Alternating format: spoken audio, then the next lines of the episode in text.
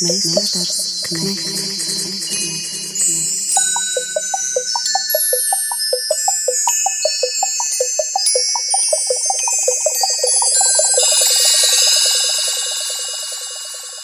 Meistars Knechts. Sveicināti raidījumā Mēsters Knekts pie mikrofona Orests Silabriedis. Man ir viesi. Tā ir ģertrūdas ielas teātra producente Māja Pāvlova. Labdien! Labdien. Finanšu ministra padomnieks Inns Dalderis. Labdien! Laikraksta diena mūzikas apskatniece Ines Lūsiņa. Labdien! Un Latvijas pašnodarbināto mūziķu biedrības padomas loceklis Aivars Hermans. Labdien! Labdien. Sarunas tēma pavisam vienkārša - nodokļi. Mūsu gadījumā droši vien galvenokārt radošo cilvēku nodokļi. Noteikti daudz mūsu klausītāji būs pamanījuši, un, ja nav pamanījuši, tad visticamāk tas uz viņiem neatiecas. Bet tie, kas ir pamanījuši, jā, no 1. jūlija izmaiņas nodokļu režīmā, un no jaunā gada būs vēl arī citas. Int, drīkstētu tā pavisam vienkārši pajautāt, kā tu teiktu, kā finanšu ministra padomnieks, kam šādas izmaiņas bija nepieciešamas? Jā, nu izmaiņas, tas, kas tagad aktuāls ir, tiešām šobrīd viņas radās faktiski darba devēja organizāciju teiksim, ilgstošu pieprasījumu veidā, lai mazinātu disproporcijas starp dažādiem nodokļu režīmiem, kurā viena trešā daļa apmēram strādājošo Latvijā maksā ievērojami zemāks nodoklis nekā divas trešdaļas pārējās. Jo tas spiediens uz to, ka darba spēka nodokļi kopumā valstī ir jāmazina, teiksim, būt konkurētspējīgi ar blakus valstīm, tad, ja ir šāda disproporcija, ka viena trešā daļa strādā alternatīvos režīmos un maksā vai nemaksā gandrīz nemaz sociālās iemaksas, faktiski neļauj tām divām trešdaļām pārējiem visiem mazināt šos nodokļus. Tātad pamata ideja bija tāda, ka visiem iedzīvotājiem, vienalga kādu darbu viņš veids, kādā profesijā, būtu jāmaksā vienādi nodokļi. Vismaz lēnā garā viņus mēģināt izlīdzināt. Protams, tas beig beigās skar arī patentu maksātājus un arī līdz šim tā saucamā autora atlīdzību maksātājus un arī teiksim, citus varbūt nodokļu režīmus, kurās tad, nu, teiksim, pārsvarā tika izmantoti tādā veidā, lai, lai maksātu mazākas sociālās iemaksas. Nu, pamatā tas bija tas veids. Jā. Tā ir tā ideja. Ierosinātāji ir darba devēji. Lielā mērā tur bija dažādas, bet lielā mērā darba devēja organizācijas bija tās, kas gadiem ilgi uzturēja šo narratīvu, tīpaši darba devēja konfederācija, kas uzskatīja, ka, ka šie dažādie nodokļu režīmi, kas pirms apmēram desmit gadiem tika ieviesti ar labu domu, attīstīt mazo uzņēmēju darbību un dažādas atvieglojumus dažādās jomās, viņi izvērtušies tā, ir, ka viņi faktiski vairs neļauj mums elastīgi vispār piemērot visu kopējo nodokļu slogu visai kopējai sabiedrībai. Ja.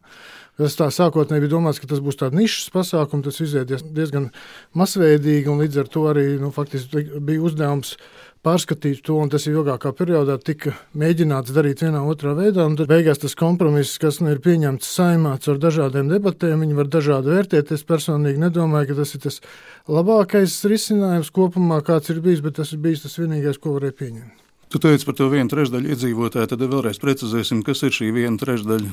Nu, apmēram, ieskaitot šeit sapulcējušos. Ja? Div, apmēram 260 tūkstoši iedzīvotāji, tie, kas maksāja mazākas sociālās iemaksas nekā pa minimālu algu. Ja? Nu, teiksim, tā vienkāršāk izsakoties, tie ir mikro uzņēmuma nodokļu maksātāji, patentu maksātāji, autora atlīdzību, tā saucamo maksātāji, kas strādāja šajos režīmos, un dažādas kombinācijas starp šiem režīmiem. Nu, mēs diezgan daudz zinām, ka tā skaitā arī šeit klātes klātesošie pilnīgi noteikti mēs esam saņēmuši atlīdzības dažādos režīmos un vienlaicīgi strādājot gan algotu darbu, gan arī, teiksim, strādājot arī šādas eh, gan mikro uzņēmumu nodokli, gan savādākos, teiksim, veidojumos. Tā kā tie veidojumi bija ļoti daudzi, mērķis kopējais bija viņus kaut kādā veidā unificēt un mēģināt izveidot nu, kaut kādu tādu daudz skaidrāku un saprotamāku sistēmu. Tas apmēram bija astoņi režīmi, kādā veidā valstī varēja, nu, līdz šim, protams, viņi vēl pastāv, bet kādā veidā, teiksim, atlīdzība apliekas ar nodokļiem dažādās jomās, kas vēsturiski ir izveidojušās, nu, tas beig beigās neviens vairs īsti nevar saprast, kā to visu tik galā. Ir dzirdēts uzskats, ka pandēmijas laiks varbūt nav gluži pats piemērotākais vispār jebkādām reformām, tā skaitā arī nodokļu. Jā, nu, tu zināmā mērā varētu piekrist, bet no nu, to mēs nezinām tādus, kā lai saka, bišķi nelielu pieredzi jau ilgākā laikā. Nu, nekad neviens nav teicis, ka nu, tagad ir īstais laiks, un tagad ir tas brīdis, kad tās reformas vajag. Nekad tā nav bijis. Līdz šim neviens nevar pateikt, ka, ka šis būtu tagad, tagad ir labi, tagad mēs varam reformēties. Tāpat tādu brīžu nebūs nekad. Vēl ir dzirdēts runas, un tagad es varbūt aicinātu iesaistīties arī pārējos sarunas biedrus. Reforma ir.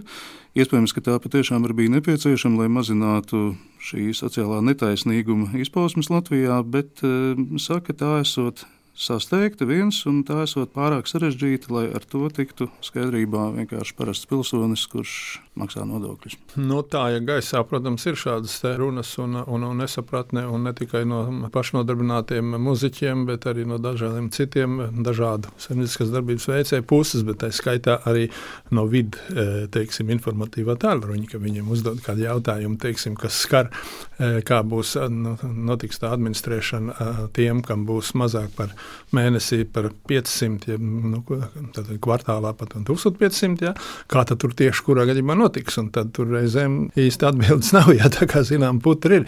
Nu, mēs no savas organizācijas skatoties, nu, mēs pamatā esam pašnodarbināti muziķi, kur pamatienākums ir faktiski no spēlēšanas, ja. Lielai daļai mēs neesam tie potenciālie klienti, kas ir līdz tiem 500. mēs esam tie, kas ir pāri, ja. Protams, ar atsevišķiem gadījumiem, bet kopumā tā problēma mūs tādā veidā tieši neskar. Bet tomēr, ja viņi skar, eh, un atsevišķos gadījumos tas tā varētu būt, protams, tas ir sarežģīti. Un mēs iestājāmies lielā mērā, un es biju viens no tiem arī, kas savas organizācijas vārdā vērsās pie, pie Finanšu ministrijas. Mēs konkrēti ar Dāldaru kungu arī pagājušā gada jūnija beigās pirmo reizi tikāmies eh, par saimnieciskas darbības eh, kontu, jā, kas būtu vienkārši administrējums, visiem saprotams. Tas tur bija paredzēts no 1. jūlija, bet tā fiskālā daļa tur kaut kā bija šķiek lemējās, un tagad ir 1. Eh, janvārs. Bet, nu, tās lietas, kas tur ir riņķī, un tās diskusijas tagad arī nu, Tirzniecības rūpniecības kamerā un, un, un nu, prezidenta ierosinātā diskusija nu, par nodokļiem vispār, kurā tur piedalās gandrīz visi. Jā, nu, mēs arī ar savu organizāciju, jā, tur ir daudz un dažādi jautājumi un dažādas neprecizitātes. Jā, jā, es tieši šobrīd nu, gribu pakomentēt, tieši šobrīd notiek šī darba grupa, kurā iesaistīts ļoti daudz dažādu organizāciju, kas mēģinātu vērtēt turpmākos risinājumus un tās mm. problēmas atrisināt, par kurām tiešām Mēvers arī runā. Viņas objektīvi viņas pastāv, un par tām nu, arī mēs saņemam ļoti daudz dažādas viedokļas. Tāpēc es gribēju teikt, ka tas risinājums, kas tika saimā beigās nobalsots šādā veidā ar šādu nu, ļoti sarežģītu, teiksim, arī darba devējiem risinājumu, ka nevar saprast, vai man būs pilns jāmaksā sociālais iemaksas vai kādam citam viņas būs, nu, nu tas nebija, tas nebija pareizs risinājums. Bet nu, tas bija ar tādu ar labu, labu pamatu ideju, bet nu, beigās tas sarežģījis procesu. Tiem klausītājiem, kas vēl nav īsti iedziļinājušies šajā problēmā, Aivar pieminētie 500, tad 500 tā ir minimālā alga 2021. gadā. Par atskaites punktu ir izvēlēts ceturksnis, vai tam ir kaut kāds ticējums, tam ir pamatā, vai tas vienkārši ir racionāli. Tas ir racionāli. Es domāju, vienkārši nu, katru mēnesi neķēpotos ar to uzskaitu un tam līdzīgi. Nu. Ne, ir daudz cilvēku, kas neregulāri saņem. Jā. Vienu mēnesi viņš saņem mazāk, nākamā citreiz viņš mm. vairāk. Nu tad, lai nebūtu katru mēnesi tur jā, jāgroza. Jā, tā bet... diskusija man liekas, ka sāka dominēt arī tāds priekšlikums to tādā gada griezumā vērst, jā, jo tur tie stāsti pat, nu, ir salīdzinoši par nelielu naudu. Jā, bet nu, tas menedžments, kas ir vajadzīgs, lai katru kvartālu to darītu, tas ir papildus darbs, papildus tēriņš. Tur nav stāsts par miljoniem, jā, tur ir stāsts par sīknaudu valsts mērogos. Pirmkārt, maza replika. Pirms divām dienām Mums laikrakstā diena bija attālinātais webinārs, kur ar mums runāja tieši viena konsultante no no vida. Kad viņai tika jautāts, kā tā nu būs vai nebūs nākamgad šis vienotais, tavs pieminētais saimnieciskās darbības konts, norēķina konts. Jā, jā, kā viņi tur saukt, viņi teica, ka tas gan tad, ja būs, tad viņš attiekšoties tikai uz tiem, kas ir mūna režīmā. Tāda bija tā atbilde. Nu, es vienkārši, nu, ko mums teica, to es jums šobrīd saku. Otrakārt, tagad es pa punktiem dažiem gribētu pateikt. Pirmkārt, par putru. Putra ir diezgan liela. Jo visi tie, kas mūžā nav nodarbojušies ar grāmatvedību, kuriem nav nekādu grāmatvedības zināšanu, kuriem arī dzen, nav tādu līdzekļu, lai vērstos un uh, maksātu grāmatvedim un maksāt par šo palīdzību, tagad ir spiest ar to nodarboties. Tas ir visnotaļ sarežģīti. Starp citu, ja aizmirstiet par kādiem gada griezumiem, gada griezums šobrīd, kā jau noskaidroju, attiecās tikai uz ienākumu nodokli. Bet labāk jau viņu gan gada griezumā nekrāt, jo pēc tam, kad būs nodota deklarācija, es domāju, ka mēs vienkārši, ja kaut ko vienalga, ko nebūsim maksājuši reizes satruksnī, tad mēs arī nogrimsim uz visiem laikiem. Ja? Ņemot vērā, ka tad, kad nodod šīs deklarācijas, vēl pilnā sparā turpinās apkopot apkurss sezona, kas šogad vienkārši ir dramatiska būs. Tas ir viens. Bet ir jau runa par ceturkšņiem, bet arī šajā konsultācijā mums tika uzsvērts, jā, bet par katru mēnesi atsevišķi, par katru mēnesi atsevišķi. Tā tad tur vēl tu nevar tā runāt par to, ka ja tu tur ceturksnī nesasniedz tos 1500, piemēram, eiro, ja, par ko tu runā, ja? Nē, tur ir jāskatās vēl katra mēneša griezumā, un var sakot, jo tālāk mežā, jo vairāk malkas. Es nemaz nerunāšu par dažādām formām, cits tur pieņemšanas, nodošanas akti, tad uh, rēķins izrādās man, piemēram, atnāk pie jums uz rādio uz kaut ko tādu, uz, nu, par ko man kaut ko samaksā, piemēram, postfaktum. Man pēc tam ir jāizraksta jums un jāiesniedz rēķins vēl piedāvām, ja, lai es saņemtu šo naudu. Var sakot, es tiek apkrauta ar visu kaut ko. Nu, es tagad, piemēram, veselu darbdienu sēdēju, lai aizpildītu pašnodarbinātā ceturkšņa ziņojumu, un beigu, beigās es viņu atstāju karājamies gaisā. Tāpēc, ka pat labāk mums ir tāda situācija, ka mēs vēl tomēr nezinām, kā tas viss beigsies. Un par ko es tagad runāju? Par šiem nabaga 500. Protams, Viena lieta ir pašnodarbinātais, kurš ir tikai pašnodarbinātais, kuram nav pamata darba vietas nekur. Viņš visu saņem kā pašnodarbinātais, un ar to tas viss sākas un beidzas. Bet ir citi pašnodarbinātie. Es arī esmu to skaitā. Ļoti daudz žurnālistu tieši ir ja? privātajos mēdījos tādi, kas saņem gan darba algu, kas parasti ir minimālā, un pārējais ir autora atlīdzība. Tajā pašā darbvietā, varbūt arī vēl kaut kur atsevišķu reizi pa trim mēnešiem, lūk, es atnāku uz postfaktumu. Un tad, lūk, mūsu galvenais webināra jautājums bija šāds. Ir tāds likums par valsts sociālo apdrošināšanu, 20. pants, ar mazo četrnieciņu augšā. Minimālais obligāto iemaksu objekts, tā noteikšana un obligāto iemaksu veikšana. Minimālais obligāto iemaksu objekts ceturksnī ir trīs ministru kabineta noteiktās minimālās mēneša darba algas. Ja persona ir darba ņēmēja, mūsu gadījums, pie vairākiem darba devējiem vai vienlaikus darba ņēmēja un pašnodarbinātā, lūk, tas ir precīzi daudz žurnālistu gadījums, tad šai personai deklarētos obligāto iemaksu objektus summē. Bet tagad šajā konsultācijā mums mācīja, kā tagad nu, aizpildīt tos visus tos mm, ceturkšņa ziņojumus. Un izrādās, ja tev ir 500 eiro vai vairāk, tas ir tas, cik šobrīd ir valstī noteiktā minimālā alga ja, uz papīra, tad tev ir jāmaksā par to 500 vai vairāk pēc tavas izvēles. Ja, šis 30 1,7% sociālā iemaksa, un par to, kas paliek tad, nu, pāri, ja tu saņem vairāk autora atlīdzībās, nu, tad tu vari maksāt šos 10%. Pēc idejas mēs šo minimālo iemaksu veicam divreiz, divkārši. Gan kā darba ņēmēji, gan arī zin, kā pašnodarbinātie. Un mums konsultanti stāsta, jā, bet tās ir divas atsevišķas lietas. Nu, tur jūs esat darba ņēmēji, tur jūs esat pašnodarbinātie, un jūs samaksājat gan to, gan to. Vēl es atgādināšu, ka patiesībā tā ir diezgan liela diskriminācija pret šādiem radošajiem kā mēs. Jo, ja es esmu darba ņēmēji, tad mēs zinām, tur ir kaut kādi šobrīd, ja nemaldos, ja kaut kas aiz tā komata varbūt ir, bet, nu, rupi sakot, 34% sociālās iemaksas. Jā, mazliet vairāk nekā pašnodarbinātajiem. Bet ņemsim vērā, ka 20% no tiem samaksā darba devējs. Un no tavas algas atskaita m, mm, tikai šos desmit atlikušos procentus, tātad 24 un 10. Tā ir liela starpība. Un rezultātā, nu, es domāju, ka tālāk paskaidrojumi ir lieki. Ja? Bet tu faktiski runā par to periodu, nu, kā ir šobrīd. Es runāju par periodu, bet, kā ir šobrīd, jā, bet, no 1. jūlija. Mums jā. šobrīd līdz 15. Jā. ir jānodod šīs pirmās jā, jā, atskaites. Tā ir. Bet nu, šīs apgrozījuma nodoklis vai nu saka, vēlamā un ceramā eh, saimnieciskās darbības konta, kontekstā, jeb arī mikro uzņēmumu kontekstā, pēc šiem noteikumiem, kāda nu, tur tagad ir paredzēta, tur nekāda liela diža atšķirība nav. Tik tas viens ir pavisam vienkārši, un tas otrs drusku vairāk. Tas eh, mikro uzņēmums ir juridiski persona, bet fiziska persona ir tās saimnieciskā darba konta lietotājs.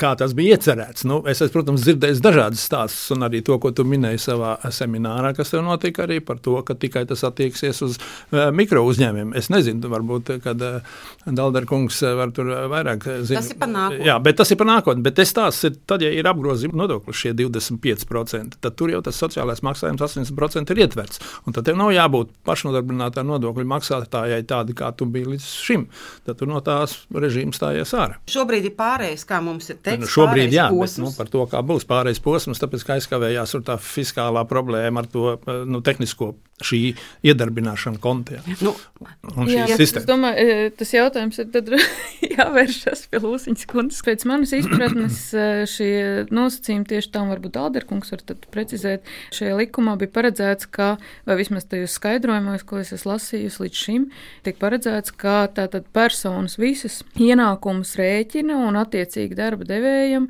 ja persona ir nodarbināta pie darba devēja un attiecīgi ir arī pašnodarbināta persona, ir noteikts vienkārši šis minimālais sociālo iemaksu apjoms, kas ir rēķināts no 500 eiro mēnesī vai 1500 eiro ceturksnī.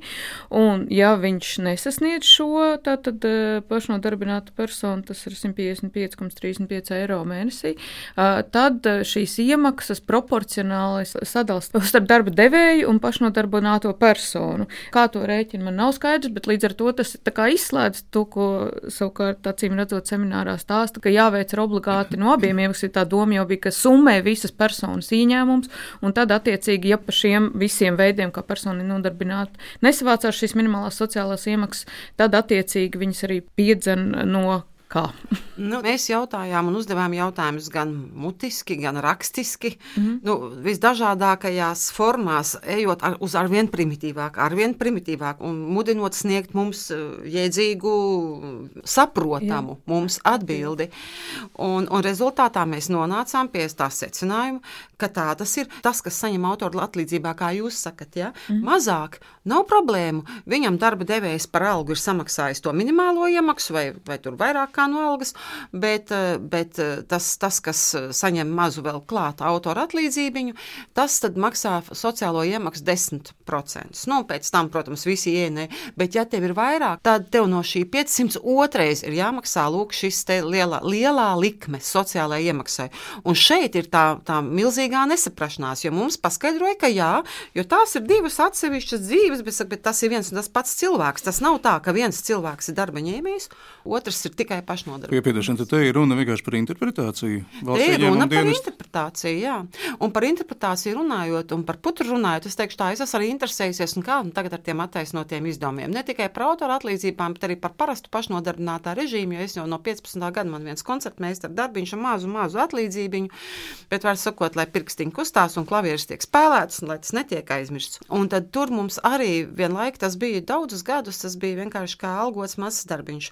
Bet tad Rīgas doma, pašvaldība izdomāja, ka lūk, visiem šiem darbiņu darītājiem, ja tas attiecās uz dziesmu svētku kustību, jau uz amatieru kolektīviem, ir jānoreģistrējās par pašnodarbinātiem un jāturpina šādā garā. Un tā arī nu, sauksim to par nodokļu optimizāciju, bet nu, tas ir no tās puses, diemžēl, tas ir diezgan nelietīgi, es gribētu teikt, ja, pret visiem šiem, kas darbojās, jo tu nevarēji turpināt darbu, ja tu nepāreģistrējies par pašu, nu tad ej prom vienkārši, ja, tā ir tava izvēle. Un es domāju, ka tā ir arī lielākā problēma, nu, tīpaši kultūras nozarē, par ko mēs iekšpus virtuves vienmēr runājam, bet ārpus vai ne nenesam, jo naudas ir kā, tik, cik viņas ir, un tad mums ir radoši jāatrod dažādi risinājumi dažādām situācijām. Un šī gadījumā tas lielākais jautājums, un, un man šķiet, ka, protams, ir ļoti pareizi, ka beidzot arī radošas personas būs sociāli apdrošinātas, un uh, viņām būs šis sociālais nodrošinājums kaut kādā vismaz minimālā veidā.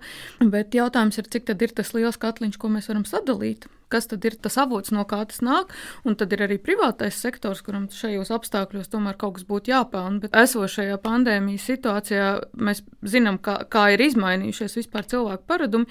Un tad, eh, ja vēl piedāvājam pie visas šīs situācijas, kas jau tā būtu grūti, nav īsti skaidrs, kā šos nodokļus kā īsti piemēro nevienai no institūcijām, kam tas būtu jāskaidro, un viņa interpretācijas atšķirās, tad eh, jā, man ir jautājums, ko tad mēs gal galā sagaidām, jo tā doma cēlā ir, protams, liela, tālu un laba, un man līdz šim informācija bija tā, ka tas bija tie labie nodomi, kas rosināja finanšu ministriju, nevis darba devēja, tā kā tikai interese par to, lai mazinātu tos eh, konkurences kaut kādus kropļojumus, ka tā sociālā aizsargātība ir tas mērķis, bet jautājums ir, vai tas to sasniegs un kādi ir tie kompensējošie mehānismi nozarē, lai palīdzētu šo lielo lēcienu no attiecīgi no 10-20% uz pilnu sociālo iemaksu nosakt.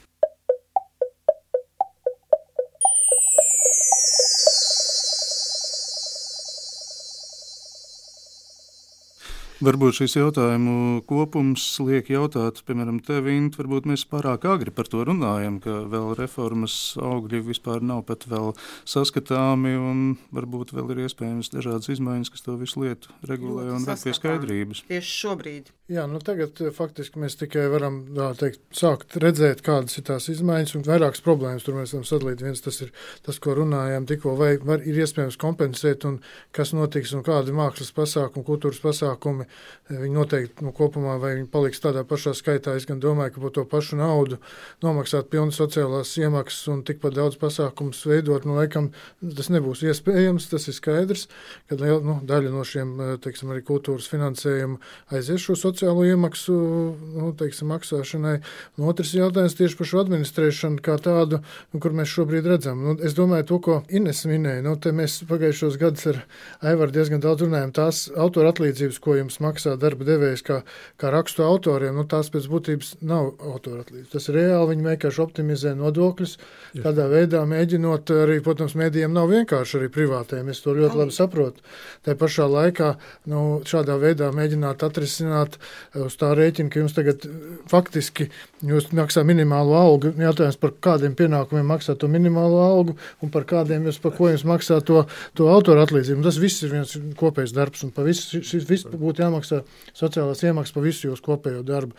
Tas notiek visā pasaulē un tā arī būtu jābūt pie mums. Nu, tagad šāds ir veids ir bijis, es jau nevaru vainot nevienu, kas ir nonācis šādā piespiedu kārtā situācijā, bet no nu, īpašniekiem, mēdī īpašniekiem, darbdevējiem, nu, viņiem jā, jāmēģina tikt galā ar šo situāciju un vienkārši šos nodokļus maksāt. Arī par to, ko jūs rakstat rakstus vai, vai tam līdzīgi. Nu, tā, tā tas diemžēl ir. Tad, tad domā, ka reforma varētu šo situāciju mainīt? Nu, lēnā garā tas no šī nu, būs viņam nekas cits neatliks. Jā? Nu, būs jāmaksā tieši tāpat kā jebkurš darbs, vai man pasūta nospēlēt koncertu, es to daru un es uzskatu, tas ir tieši tāds pats darbs. Nu, šobrīd, jā, mums ir 25% ir, nu, droši vien arī nākamā gadā man es arī reģistrējies tāpat kā pašnodarbinātais. Nākošā gadā droši vien es būšu ties tas, kurš tos attaisnotos izdevumus krā krās un uh, vāks. Es to tā kā apņēmies darīt, bet nu, būs cilvēki, vien, kas izvēlēsies šo vienkārši nu, reģistrēt savu saimniecisko darbību un tādā brīdī piemērot šo mikro uzņēmumu nodokli. Mm. Nu, bet Es vienkārši gribēju teikt, tā situācija, ka tu pie viena un tā paša darba devēja veids gan pamatdarbu, gan autora atlīdzību. Nu, es domāju, agrāk vai vēlāk tas būs, tas mainīsies. Un tad, tad reiz arī jums būs uh, daudz vienkāršāk. Viss nebūs šī visa grāmatvedība un jāmēģina visas šīs lietas salāgot. Mainīsies droši vien no sākuma tas, ka nevis jūs saņemsiet tādu pašu naudu kā līdz šim, bet saņemsiet mazāk. Tas arī būs pirmais, kas mainīsies. Nebūs jau tā, ka darba devējiem kaut kur no, no gaisa nokritīs eh, kaudz ar naudu, un tad viņi, viņi laimīgi viņu sadalīs sociālās iemaksās un, un, un, un, un, un samaksās eh, cilvēkiem to pašu naudu. Nu, tas ir tā ir realitāte. Nu, ne jau eh, mēs, piemēram, arī maksājot autora atlīdzības, es to nedaru no laba prāta. Es to daru tāpēc, ka vienkārši tā nauda ir tik, cik viņi ir. Un, ja man ir aktierim jāsamaksā, es nezinu, 50 eiro vai, vai, vai, vai 60 eiro, tad es izvēlos viņam samaksāt 60 eiro. Nu jā, bet šeit ir tomēr jānodala šīs divas pasaules. Viena šī pārdales ekonomika, kas ir kultūrā nu, gandrīz dominējoša, tas procents tajā tirgus ekonomikas segmentā ir ļoti mazs. Tajā pārdales ekonomikā jūs nu, dzīvojat tajās iepriekšējās pasaules nu, priekšstatos un tajā lietu kārtībā. Ja? Un, un to nevar skatīties no viena skatu punkta. Ja, ja tu esi pilnīgi privāts uzņēmējs, eh, nu, vai nu tu esi autors, jeb, jeb, jeb izpildītājs, ja vienalga. Ja, tad, tad tev ir par savu sociālo nodrošinājumu, tev ir pašam jārūpējās. Valsts dod dažādas iespējas. Pa vienu iespēju vispār neviens nerunā saistībā ar autortiesībām. Ja. Tur ir vēl viens punkts, kas arī smuki ir valsts ieņēmuma dienas lapā, kur ir tās trīs pozīcijas, kā tiem autoriem varētu maksāt nu, pēc jauniem noteikumiem.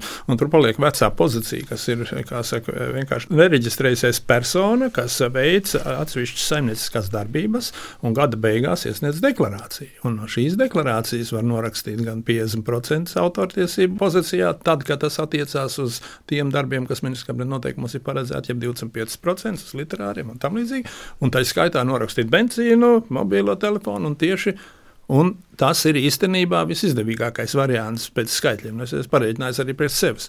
Bet nu, tad ir pašam drusku jāiet grāmatvedības kursos, nu, ja vismaz jāiedziļinās un jāspēj to administrēt, ja to grib. Un tāpēc liela tiesa no mūsu cilvēkiem, kas ir mūsu biedrībā, ja, kas ir pašnodarbināti muzeķi, tādi privāti uzņēmēji, viņi labāk būtu gatavi samaksāt nedaudz vairāk, 25% brutto Tas ir vienkārši un saprotami, un galvenais vienkārši administrējami. Un tas ir tas. Tikai tā problēma patreiz radās ar to administrēšanas daļu zem tiem 500. Tā ir tā mūsu problēma. Jā, tas par tām minimālām sociālajām iemaksām, jā, nu tā ir tas, ka tika nolēmts, ka varēs summēt pat vairākām vietām kopā. Nu, tas radīja it kā no vienas puses atvieglot slogu, bet, ja mēs runājam, kā Lietuvā, ir Lietuvā tomēr pie viena darba devēja un katram, kas ir spējīgā vecumā un nodarbojas ar kādu darbu veidu, viņam ir šī iemaksa jāveic. Tā ir viņa pieejas biļete veselības aprūpas pakalpojumu saņemšanai. Un, un, un tas tev ir jāveic vienā darba vietā. Viņi arī ievies šo reformu pirms vairākiem gadiem. Protams, arī nebija vienkārši arī pieņemu to, bet tas tika izdarīts un nesumēja kopā pa vairākām vietām, bet vienā vietā, kur tu strādā, viena darba devējs tev nomaksā to minimālo sociālo iemaksu, un pa pārējām, protams, tur attiecīgi ir nodokļi. Ir, tad nav viss šīs administrēšanas murgs, kas tagad veidojās. Jā. Nu, bet mums ir gan darba devējs nomaksā to minimālo, un tad mums ir otrais jāmaksā tā minimāla. Nu, bet, ja jūs esat divi vienā, nu, gan pie darba devēja uz algu, gan esat pašnodarbināti paralēli kaut kā. Likums saka tad... savādāk. Likums saka, katrā gadījumā viņš saka atšķirīgi. Par to, ka varēs summēt, to viņš saka tajā nākotnē, kad sāksies tā administrēšana tādā veidā, ka tā varētu būt. Bet tur nav loģika tādā veidā būt divi vienā, saglabāt kaut kādas simts eiro tur uh, avīzē žurnālā, nezinu par ko, jā, un, un, un par autortiesībām saņemt par rakstiem kā pašnodarbinātais. Tas ir aplamība principā. Tā nu, es jau zinu, bet tas jau nāk. Privātā tā, prese, un nu, jā. to arī ne aiz labas, tā kā, bet, bet aiz, kā Pavlovs nu, jā, tas aiz, nav aiz labas dzīves, ja? Jo šiem uzņēmumiem nav tādas valsts dotācijas, jā, bet, tā kā rādio vai televīzija. Viņi par savu labo dzīvi var sūdzēties tikai vienīgi sev paši. Atšķirībā no valsts, kur vienmēr ir kāds valdībā, kas nedod pietiekošas dotācijas, jau tam līdzīgi, ja?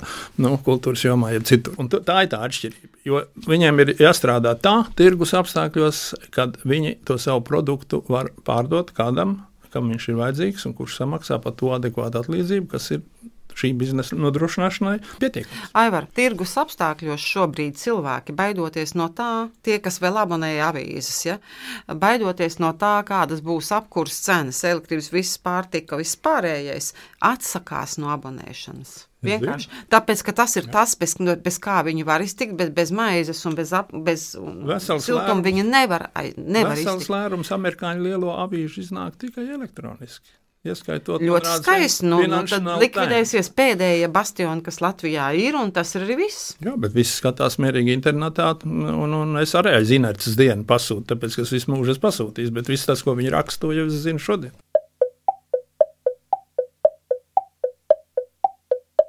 Redījumā Mēsters Knekts viesojas Ģetrūdas ielas teātra producente Māja Pavlova, finanšu ministra padomnieks Ins Dalderis, mūzikas apskatniece laikrakstā Diena Ines Lūsiņa un pašnodarbināto mūziķu biedrības padomas loceklis Aivars Hermanis. Tagad ir pienācis brīdis atkal manam kārtējumam naivam jautājumam, kā varētu sekmēt sabiedrības pārstāvju izglītību nodokļu jomā, un uzreiz arī otrs jautājums, vai grāmatvedības amatskola ir kaut kas tāds, ko spēj apgūt jebkurš un kas būtu jāapgūst jebkuram. Es esmu apmeklējusi vienreiz vida rīkotos bezmaksas tos kursus, veselu dienu sēdējusi. Ja? Un tas bija vēl pirms Covid bija ielaidos kļūdas pašnodarbinātā ziņojumā, un par to pēc tam bija spiesti maksāt. Ne to, ne tai ailē, un, ne, un vispār, un pēc, pēc tam bija milzīgs uh, vāks vispār, jo man nācās samaksāt nodokļus no, no nenopelnītas naudas. Labot tās kļūdas neļāva, un par so pa kļūdām jāmaksā, un tas bija diezgan briesmīgi. Un tad es aizgāju, ja, un teicu, viss tas radās no tā, ka cilvēki neizglītot tā un tā un tā. Es aizgāju, pabīties kursos no rīta līdz vakaram, kāda es iegāju, piedodiet. Tāda es iznācu. Es neesmu, es varu visādās mūzikas teorijās, visur ļoti labi orientēties, ja, eksaktās lietās. Bet šis ir kaut kas tāds, ko vienkārši, nu, Visa mana. Tas ir kā smadzenes nu, neņem pretī. Neņem, neņem pretī, tu tā kā esi grūtgalvis pilnīgs. Un otrām kārtām, tur, nu, tāpēc, tur bija viss, tur bija pamūniem, pa tiem, pa tiem, tempā, tempā. Sieviete priekšā rāda prezentāciju no galvas, sauc visus, un tā kā tur nosaukt kaut kādas akordus vai ko, visus mm. tos punktus un primus un likumus. Es domāju, ka, ka tā ir arī lielākā problēma. Nu, resti, ja mēs runājam, nu, ir redzījums dizaina. Kāpēc dizains? Kāpēc dizains? Nu, tas tā ir viena no lietām, ar ko pat es it kā, es neesmu ne finansējis finansiste, ne juriste, bet nu, es mazliet cenšos iedziļināties tajos grāmatvedības jautājumos. Esmu spiesta, varbūt, un uh, tas, ko, ar ko es saskaros, ir, ka šī informācija ļoti lielā mērā netiek pasniegt veidā, kā cilvēki var saprast. Respektīvi, ja es esmu elementārs, ļoti vienkārši soli pa solim ieķeksēju, kādus nodokļus vai kā es esmu reģistrējies, kas man ir jāmaksā, un man aiziet tālāk. Veids, kā šo informāciju uh, tiek pasniegta, ir uh, absolūti birokrātisks, respektīvi, galvenais, lai papīri ir kārtībā atsautoties likumu likumu, tad, kad es esmu izlasījis visus likumus, uz kuriem kāds ir atsaucies, beigās es jau vairs nespēju uztvert informāciju, kas ir man aktuāla. Nu, es domāju, tas ir viens liels akmens tajā dārziņā, kas attiecās par to veidu, kā informācija tiek pasniegta nu, ne tikai no valsts ieņēmuma dienestā vai kaut kā savādāk. Ir, protams, mēģinājumi, bet arī šobrīd, kas nav skaidri uzrakstīts, ka visiem pašnodarbinātajiem attiecās šīs sociālās minimālās iemaksas, kas nav minimālais pensiju apmērs šie 10%, bet tieši šīs minimālās iemaksas, ja nav iesniegts šis ziņojums, paziņojums, ka es plānoju, ka man ieņēmumi nesasniegs šos 1500 eiro kvartālā, tad man aprēķinās 155,35 eiro par katru mēnesi sociālās iemaksās. Un cilvēki to nezina, un tas nekur nav uzrakstīts. Tas ir pilnīgi visus materiālus pieejamos, un tur nav uzrakstīts sarkaniem burtiem šādā veidā. Nu, kas, kas ir svarīgi cilvēkiem? Un, kā, nu, un, un, un, tas tā uzmanieties, ja nebūs Nē, tā, nu, būs jā, tā, ka man ir skaidrs, kas man ir, un, un tā interpretācija par to, kas ir minimālās sociālās iemaksas šobrīd ir ļoti dažāda, jo daži to uztver, ka ir šīs minimālās iemaksas pensiju fondā, kas ir šie 10% pašnodarbinātām uh, personām, un tad ir šīs minimālās sociālās iemaksas, kas ir tātad attiecīgi no 500 eiro uh, mēnesī, 1500 eiro kvartālā, un par to tā kā nav šīs vienotās izpratnes visās institūcijās. Ne, ir ārkārtīgi pretrunīgi arī pat tā informācija, jo, piemēram, kaut vai interesēties par attaisnotiem izdevumiem, ko tajos drīkst rakstīt un ko nedrīkst. Ja? Eh, kuram konsultantam piezvan, tur ir dažādas interpretācijas. Viens saka, ka brīles drīkst nopirkt un tur ierakstīt, otrs saka, nē, tikai tādas brīles, kas ir tieši tāds okulārs, kas tur te, juvelierim, teiksim, vai kaut kam tam līdzīgam. Nu, varbūt katram ir sava tā interpretācija, un līdz ar to tu pie kaut kādas tādu kopīgu secinājumu nevari, nevari nonākt nonākt. Un otrām kārtām, ja nu ja mēs runājam par to, ka ir jāuzmanās, ja, tad, piemēram, radio tajā līgumā, kur dažas reizes gadā es atnāku uz to postu faktumu, tad tur ir tādi maziem burtiņiem pašā apakšā, ko parasti neviens nelasa. Nu, līgums ir teksts, daudz maz burtiņu un tā. Tur rakstīts, ka man kā pašnodarbinātam esot jāiesniedz mans pienākums. Pašnodarbinātā deklarācija līdz nākamā gada 28. februārim. Es domāju, olālā, bet paga, paga, deklarācijas tā, mēs sniedzam ne ātrāk par 1. martu. Mūs vēl aicina nedarīt to pirmā dienā, jo vide tas EDS sistēma uzkārsies. Es tagad piezvanu drošības dēļ uz, uz vidu. Ko tas nozīmē? Tur es uzzināju, ka tas attiecās uz tiem, kas ir uh, autora atlīdzību saņēmēji, bet vēl nu, nav reģistrējušies kā pašnodarbinātie. Kā uz mani, nu, es tā nomierinājos, uz mani tas neatiec. Satieku Borisu Avramecu profesoru, kurš arī nāk uz postfaktumu un strādā par profesoru mūzikas akadēmijā un kur tur vēl. Un es saku, tu zini, ka tev līdz 28. ir. Es viņam prasu, viņš ir noreģistrējies, viņš nav reģistrējies kā pašnodarbinātais. Viņš tikai šādi tad saņem kādu autora atlīdzību, bet viņš nekādu tādu šo reģistrācijas, to juridisko formu nav veicis. Ja? Kā es taču varu saņemt tos honorārus ne, bez, bez kaut kādām reģistrācijām? Tā es saku, pagaidi.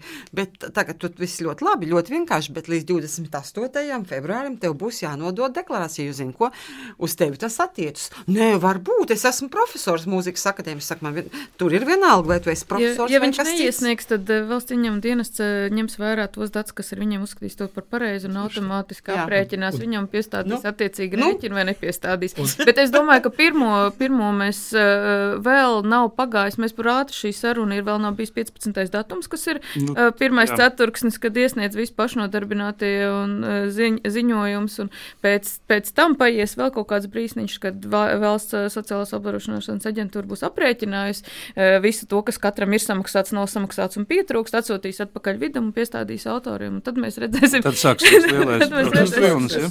Bet tas ir ļoti ērti un vienkārši. Es tieši tā arī daru. Es arī neesmu pašnodarbināts. Es visu laiku esmu strādājis vēl paralēli kaut kādos eh, nu, īstos darbos, ja? ne tikai muzicējis. Ja? Un man nav bijis šī vajadzība, bet tagad es esmu arī pensionārs un man sociālais nav jāmaksā, bet pat to starp es tur kādu brīdi neesmu bijis.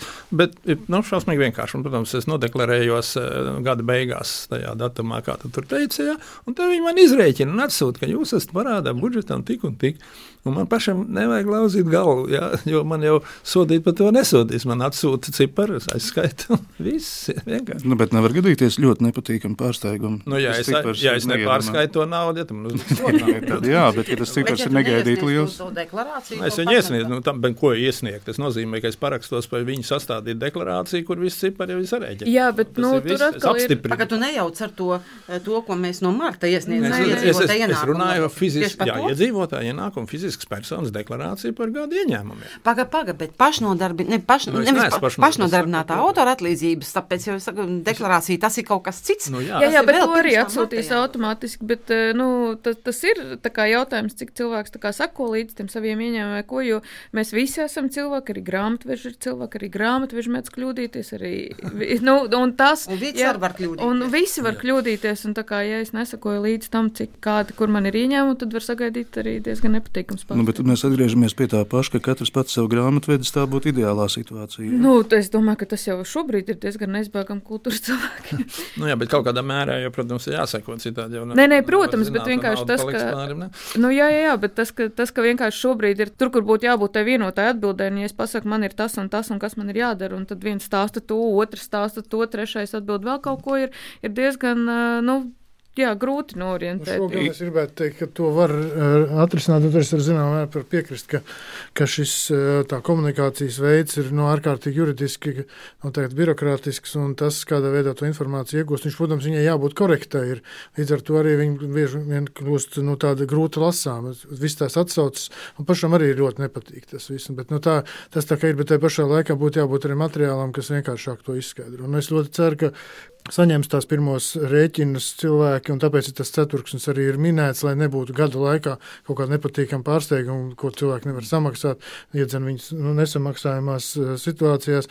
Un, eh, nu, es domāju, ka tiešām pie tā vēl tiks strādāts, lai to visu tiešām arī pēc iespējas vienkāršāk atrisināt. Bet no otras puses, ja tu gribi būt cilvēks, kurš pats eh, ar savām finansēm tiek galā, un tu ne, negribi būt algots darbinieks, tā teikt, pilnā apmērā, tad nekas cits nav iespējams, ka jābūt pašam arī spējīgam savas finanses arī kārtot. Tur Latvija nav unikāla šajā ziņā. Mēs tiešām visā pasaulē tā ir. Vai nu tu algo kādu, kas ir tev aģentu vai grāmatvedi, vai nu tu pats tiec ar savām finansēm galā. Nu, tur nav variantu. Vai nu tad otrs ir, tu strādā tikai algotu darbu, kurā tev darba devējs aprēķina nodokļus, tu ieskaiti tev mēnesī kontā, un tu neko vairāk nezini. Nu, tās ir tās divas Jā, alternatīvas. bet mēs zinām, cik ļoti daudz ir tie, kas ir darba ņēmēji un kas vēl arī saņem autora atlīdzības nevis no sava darba devēja, bet no Nu, jā, nu, tad tu, citiem. tu nekas, Nu, nekas no nākamā gada tas vairs nebūs iespējams, Nu, jā. un viss Jā, būs bet tā jau bija tā mierīgi. problēma. Es atvainojos, tā bija tā problēma, kāpēc tas viss sākās. Nu, nu, es, protams, tā ir kā tāds valsts advokāts. eh, Nu, atsevišķos brīžos tas tā skanēja, kas es nu, nebūtu nes. Ja? Bet eh, nu, tā situācija, ka no 40 tūkstoši autoru atlīdzību maksātājiem faktiski nu, kaut kā varēja pievilkt pie autoriem tur kaut kāds 7 tūkstoši. Vispārējie tur bija, nu, ko tik var iedomāties, ja? kas izmanto Nu, piemēram, Nu, audzinātāji, armijas kaut kādi, kaut kādi Advokāti. armijas advokātu kantori, ēdināšana. Nu, Ēdināšana. Jebkas, jā, Kā var autora atlīdzību? Elektromonti. Recepts, Nu, tas- ir pilnīgi jebkāda brīnuma. Viss rakstīja autoru līgumu. Es izgudroju rasolu un saņemu autora Nu, atlīdzību. Pieliec turklāt kādu nu, tur Kaut ko, kas tur nebija, Jau cilvēki izdomā visu kaut ko. jā. Nē, nu, tādā Daļas izcirtējis autora atlīdzību. Bet Nē, arī nu, tur vienmēr var atrast Jā, jā, jā. protams. Tā pašā laikā, kad nu, tad slimnīcā tur tā kā pašam jāmaksā, nav apdrošināts, un, tam līdzīgi, tad, protams, beigās pretenzijas un tā vienlaicīgi. Jā. Nē, nē, es absolūti es atbalstu sociālā nodokļu maksāšanu. Es domāju, ka tas ir, tā ir pilnīga nu, kroplība, ka tik ilgu laiku kaut kas tāds vispār bija iespējams. Jo tas noz... kaut kādā brīdī kāds izdomāja, ka apzakt autoru ir ok, apzakt mākslinieks ir ok. Nu, tas Nu, autors tas... jau pats sev apzaga nemaksājot. to- Nu, bet nemaksājot viņš jau. Jā, bet eh, tas, ka, tas, cerēt. ka, nē, bet tas, ka šāda autora atlīdzības forma bija iespējama, nebija autora izdomājums, tas bija likumdevēja Nē, nu, izdomājums. bet to ne tie autori. Nu, bet tas ir autora sociālais apzinīgums tādā Nu, jā. gadījumā, ja? vai viņš gādā par sevi vai nē. Nu, jā, Nu, jā, bet, kad tu aizej un tad saki, man lūdzu šitā, te, jo man, man izmaksā tev, man maksā, man jāsmaksā sociālais nodoklis, tad eh, man pasaka, mans budžets ir tāds, un tad... Nu, bet eh, tā neiet pie viņa, sakiet, tieši pēc Nu, jā, nu tā jau jūs runājat. Tagad Nu, nu, kā mums te būtu super daudz eh, darba, darba Jā, jā, bet, nu, iespēju Bet, kultūrā. bet tirgus tāds ir. Nu, nu, bet mums ir komanda kāds, ekonomikā, ir protams, tie- ir citādāk. Nu, mēs nevaram runāt par, par, par, par Latviju kā, kā superlielu tirgu, un cik mums ir tādi mūziķi, kas tiešām no tā arī dzīvo, nu, tikai un vienīgi. Un Kad, pelna kad ļoti- 500 apmēram manā Jā, cehā. nu, tas, eh, nu, nu, tā mūzika ir viena lieta, bet ir ļoti daudz kultūras nozars, kas nevar pastāvēt. Nu, bet tie jau ir pie valsts. Tie ir komanda ekonomikā, darbojās. Mm, Es reiz iedomājos, tā Tie taču nav aktieri. Viņi nav. Nē, nu, kā, kā nu kurš? Nu, kurš ir, Daži ir, daži nu, nav, daži ir, daži nav. Un, un, un tas, eh, nu, eh, tas, jau, tas jau ir, bet tas jau notiek ne tikai, eh, nu, tas ir arī kapitāla sabiedrībās tieši tāda pati sistēma. Un tas ir, un tas arī teātri, visi teātri, arī valsts kapitāla sabiedrības pusi no savas nopelnītās naudiņas, eh, eh, viņu budžetu pusi veido viņu pašu nopelnītā Un nauda. Tas bija Nu, kādreiz. tā kā mēs nevaram runāt par to, ka viņi atrodas kaut kur, kaut kādā mistiskā, šausmīgā lielā Jā. valsts paspārnē. Saistībā ar šo varbūt nedaudz tādu. Es tieši ar to nodarbojos patreiz. un- un Pirmdien tieši mēs iesim pie jurista, sagatavosim dokumentus tam līdzīgi. Nu, stāsts ir par konkurences deformācijām. Jā. Īstenībā valsts pārvaldes likuma kaut kāds tur 96. jeb 89. pāns no galvas neatceros, paredz to, ka, eh, ja tirgus nevar piedāvāt pakalpojumu, jeb preci, tikai tad publiskai personai ir tiesības dibināt uh, kapitāla sabiedrību, jeb kādu citu veidu dibinājumu, lai šo segmentu nosegtu. Jā. Mums praktiski ir ļoti daudz tādu segmenti, kas tirgus principiem, darb, nu, tai darbošanās formā, eh, nu, neatbilst nekādi. Jo šie sijā, arī valsts sijā, viņš ir tomēr sijā, un viņš darbojas pēc eh, kapitāla sabiedrību likuma principā. Jā. Bet viņš tiek nepārtraukti. piemēram? Nu, jebkurš Jā, opera, piemēram. jā.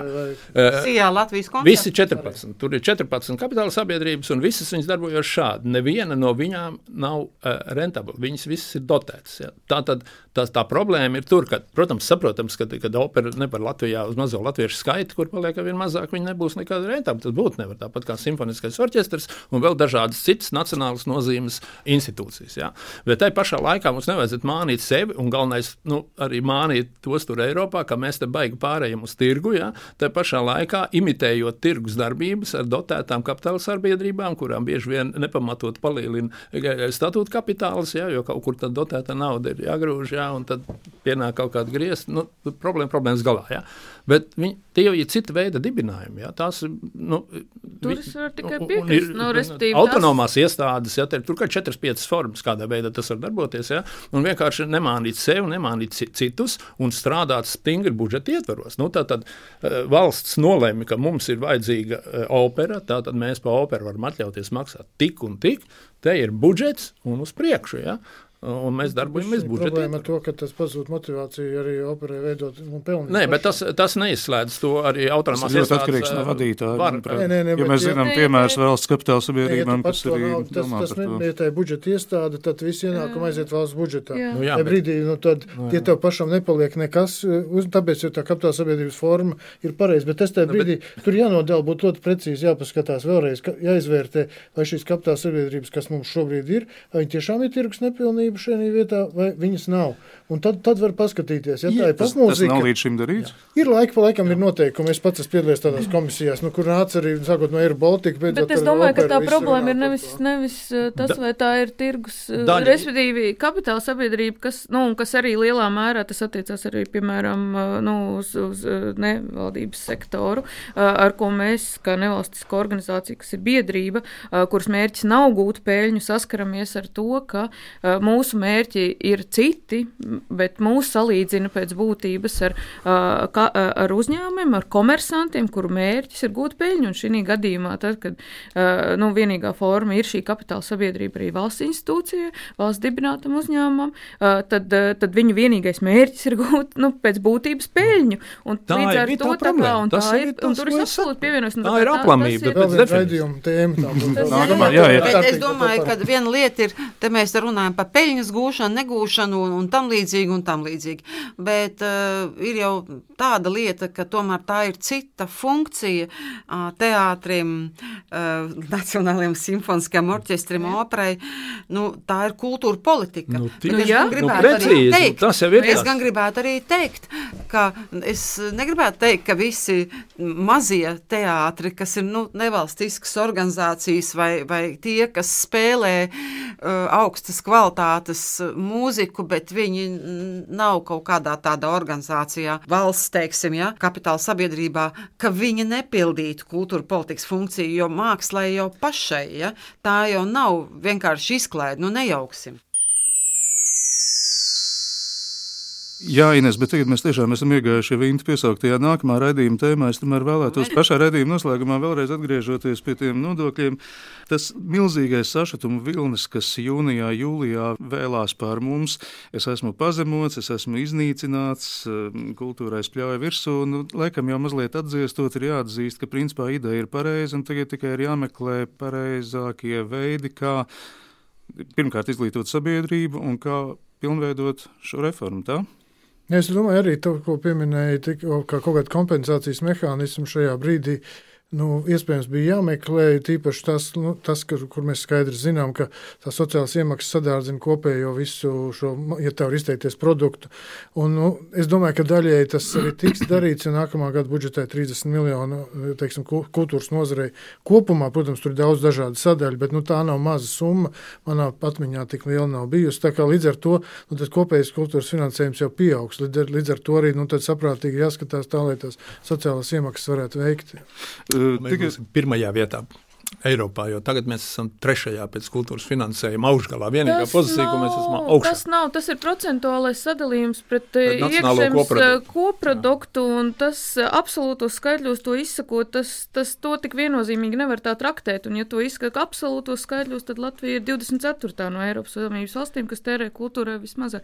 Līdz ar to, tā kā, nu, tā, tāpēc, ka mums ir tik mazs iekšzemes koprodukts, tas proporcionālais sadalījums varbūt sanāk tāds, bet to tā kā pacelt un teikt, ka tāpēc mums kultūra ir pārfinansēta, nu, tas ir mazliet. eh, Ne, nu, tā ku- kultūra nekad jā. nebūs pārfinansēta. Tas ir skaidrs. Nu, jo vairāk naudas, jo, jo viss būs.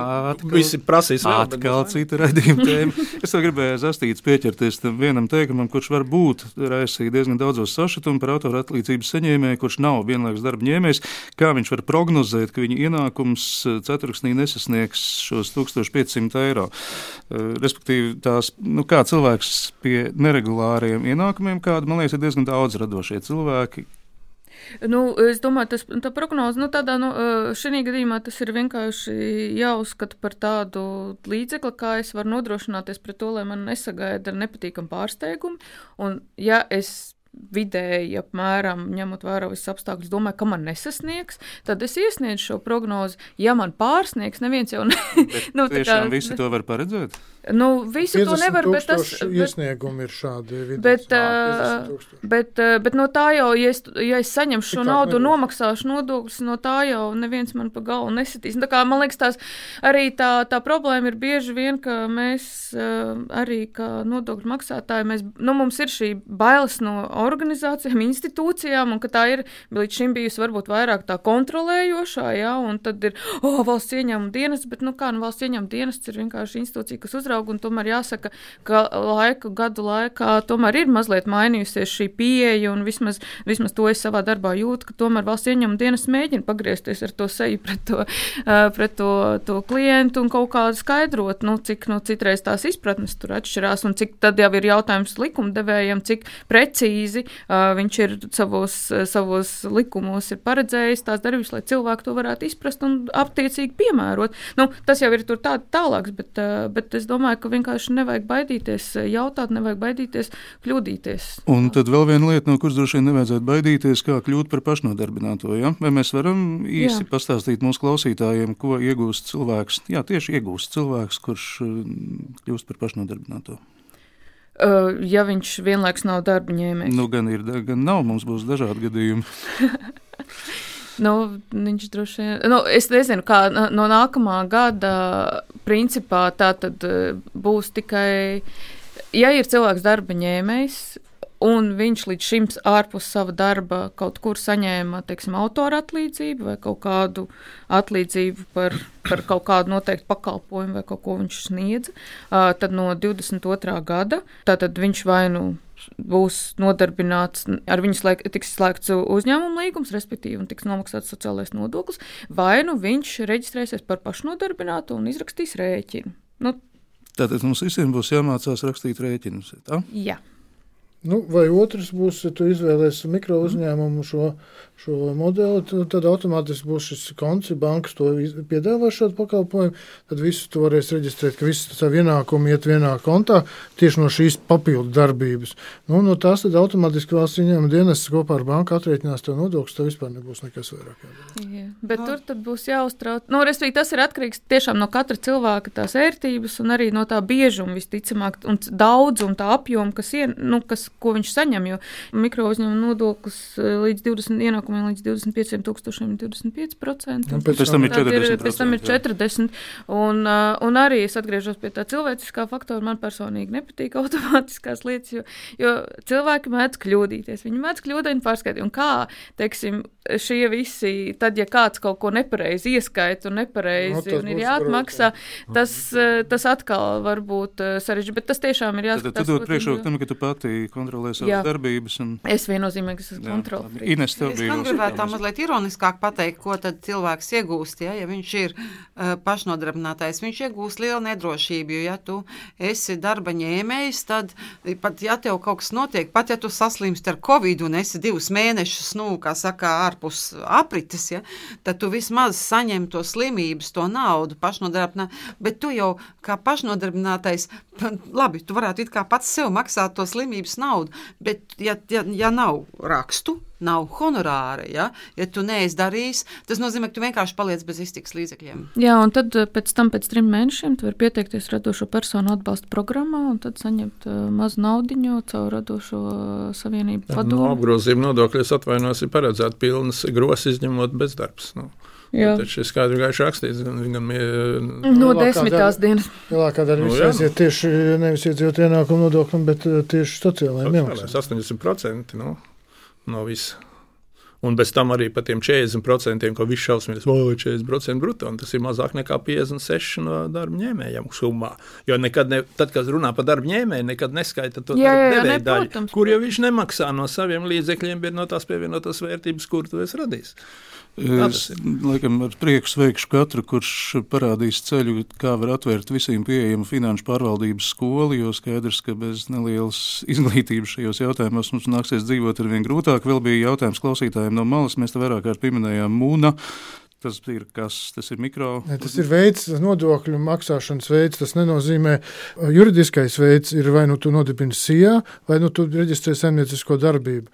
Un, ja tu esi kā individuāla persona, un mikro uzņēmuma nodoklis, tas ir veids, kādā veidā tu maksā nodokļus. Tas, ir, tas nav obligāti, ka, lai, lai tu būtu mikro uzņēmuma nodokļu maksātājs, tas nenozīmē, ka tev jādibina SIA noteikti mikro uzņēmums. Ja? Nu, tā tu ir tā līnija. Pats savs, tu vari būt, jā, tu vari būt pats kā individuāla persona, tu esi pieregistrējis saimniecisko darbību un maksā mikro uzņēmumu nodokli. Tālāk jau pēc mājas teikt. Jā, jā, nu to, un to arī tikai fiziska persona šobrīd var izdarīt. Jā, tagad būs tikai fiziska persona. Jā, bija agrāk bija, nu, bija savādāk. Viss šis būs tagad šāda veida nu, tās izmaiņas. Bet šis mehānisms iznīcināts netiek, ja, jo kaut kad bija runa, ka mikro uzņēmuma ideja nesot. Nē, nu viņš nosauks, jā, mikro uzņēmuma nodoklis, bet principā tas ir apgrozījuma nodoklis, tāds ir atvieglots. Un labi, viņš ir tagad it kā lai doma, ka nav likt, netiek likvidēts mikro uzņēmums, bet pēc, pēc būtības, protams, ka viņš ir tik transformēts mikro uzņēmuma nodoklis.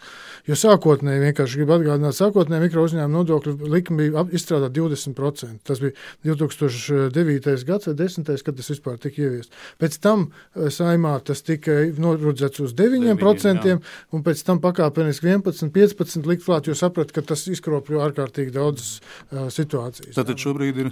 Nu, šobrīd būs 25%, nu, kas tāpat ir zemāk uh, kā minētajiem 40 vismaz uh, procentiem. Nu, tur dažādi ir, bet bet no 40%, ko maksā vispārējā nodokļu režīmā cilvēki. Nu, respektīvi, jau šobrīd, principā, nevajag iet nekādās lielās sarežģītās skolās. Ir, ir mehānisms vai ir veids, kādā veidā arī radoši cilvēki pat ar vis, visgrūtāko galvu šajā finanšu finā, finansēs var, var, var, var, var, var veikt savu saimniecisko darbību, respektīvi samaksājot vienkārši 25% apgrozījumu nodokli. Mm. Jā, bet, piemēram, atgriežoties tādā gadījumā, tāda nianses piram par to koncertmeistaru darbiņu. Tur man nevar būt nekādi nosacītie 25%. Tur ir vai nu, ka es iesniedzu par savām apkurēm, to nē, nē, nē, nē, nē, nē, nē tas ir cits. Ir jā, divi, tas arī pašnodarbinātais, radošais. Bet, ir, divas, bet ir, ir divi dažādi veidi, teiksim tā. Ir pašnodarbinātais, kas maksā tātad pašnodarbinātā vispārējā režīmā, un viņš maksā 31,07% sociālo nodokli un attiecīgi ienākumu nodokli, un cik nu viņam tur ir tas 20 vai 23%, mm -hmm. tas ir pēc tā apjoma. Jā, jā, un ir uh, fiziska persona, uh, saimnieciskās darbības veicējs, uh, pašnodarbinātais mikro uzņēmuma nodokļu režīmā, kur viņš maksā šo apgrozījumu nodokli 25% līdz 25 tūkstošiem, tad 40 no 20 Es par citu runāju. Un attaisnotie izdevumi attiecās tikai uz pašnodarbinātiem vispārējā režīmā, un tie Un šī gan ir tiešām arī ļoti jauka lieta, kas ir saglabāta cilvēkiem, kuri negrib krāt savus čekus, uzskaitīt izdevumus daudz.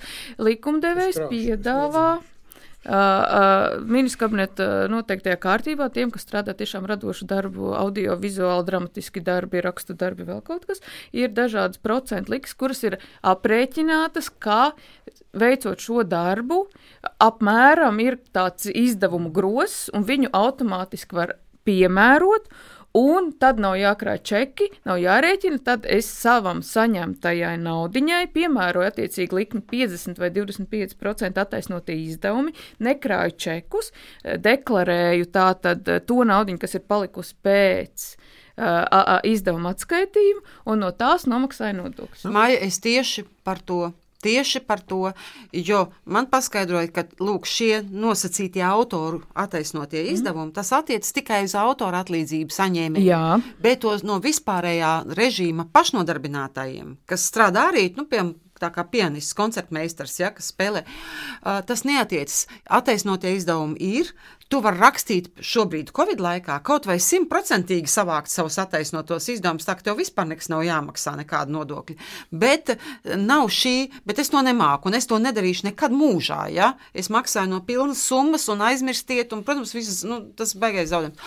Bet tai pašā, un es visu ņēmu uz sevi, bet tai pašā laikā ir tas, ka uh, tur mums nepienākās tie 25% attaisnotie izdevumi, ko tu vari noskaitot, tie, tie nosacītie. Ja? Tur tas nav. Tas ir tikai uz autora atlīdzību. Bet Inesīt, ka tu spēlē klavieres, tad nekādi autora tiesību objekti nerodās. Tad, ja tevi kāds ieraksta mobilo telefonu, tad formāli var fejkot, jāredz, kur ir un kādam tas būs vajadzīgs. Tas ir vienkārši darbs un viss, un tur nekādi autora atlīdzības attaisnotie izdevumi pēc definīcijas nepienākās. Tas ir tas, kāpēc tika likvidēta iepriekšējā lieta kārtība. Tas bija tas sākums. Tā mums redzējuma laiks ir beidzies. Tas nozīmē, ka lielās līnijās lietas kārtojas it kā uz labu, bet ar katram ar pašiem saviem sīkumiem un problēmām mums ir jāiemācās tikt galā un skaidrībā. Saku paldies sarunu biedriem.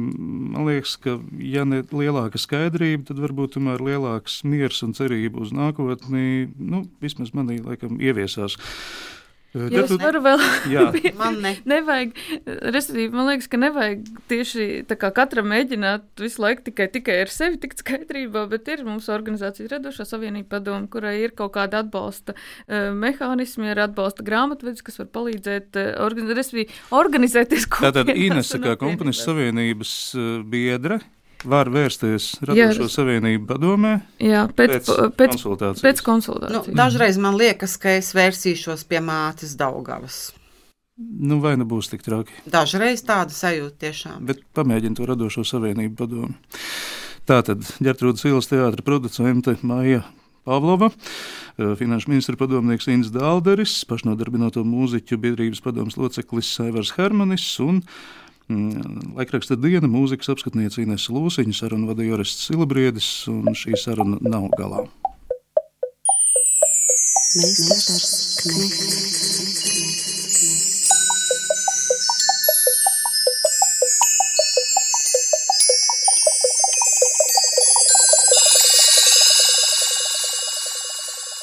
Meistars Knechts.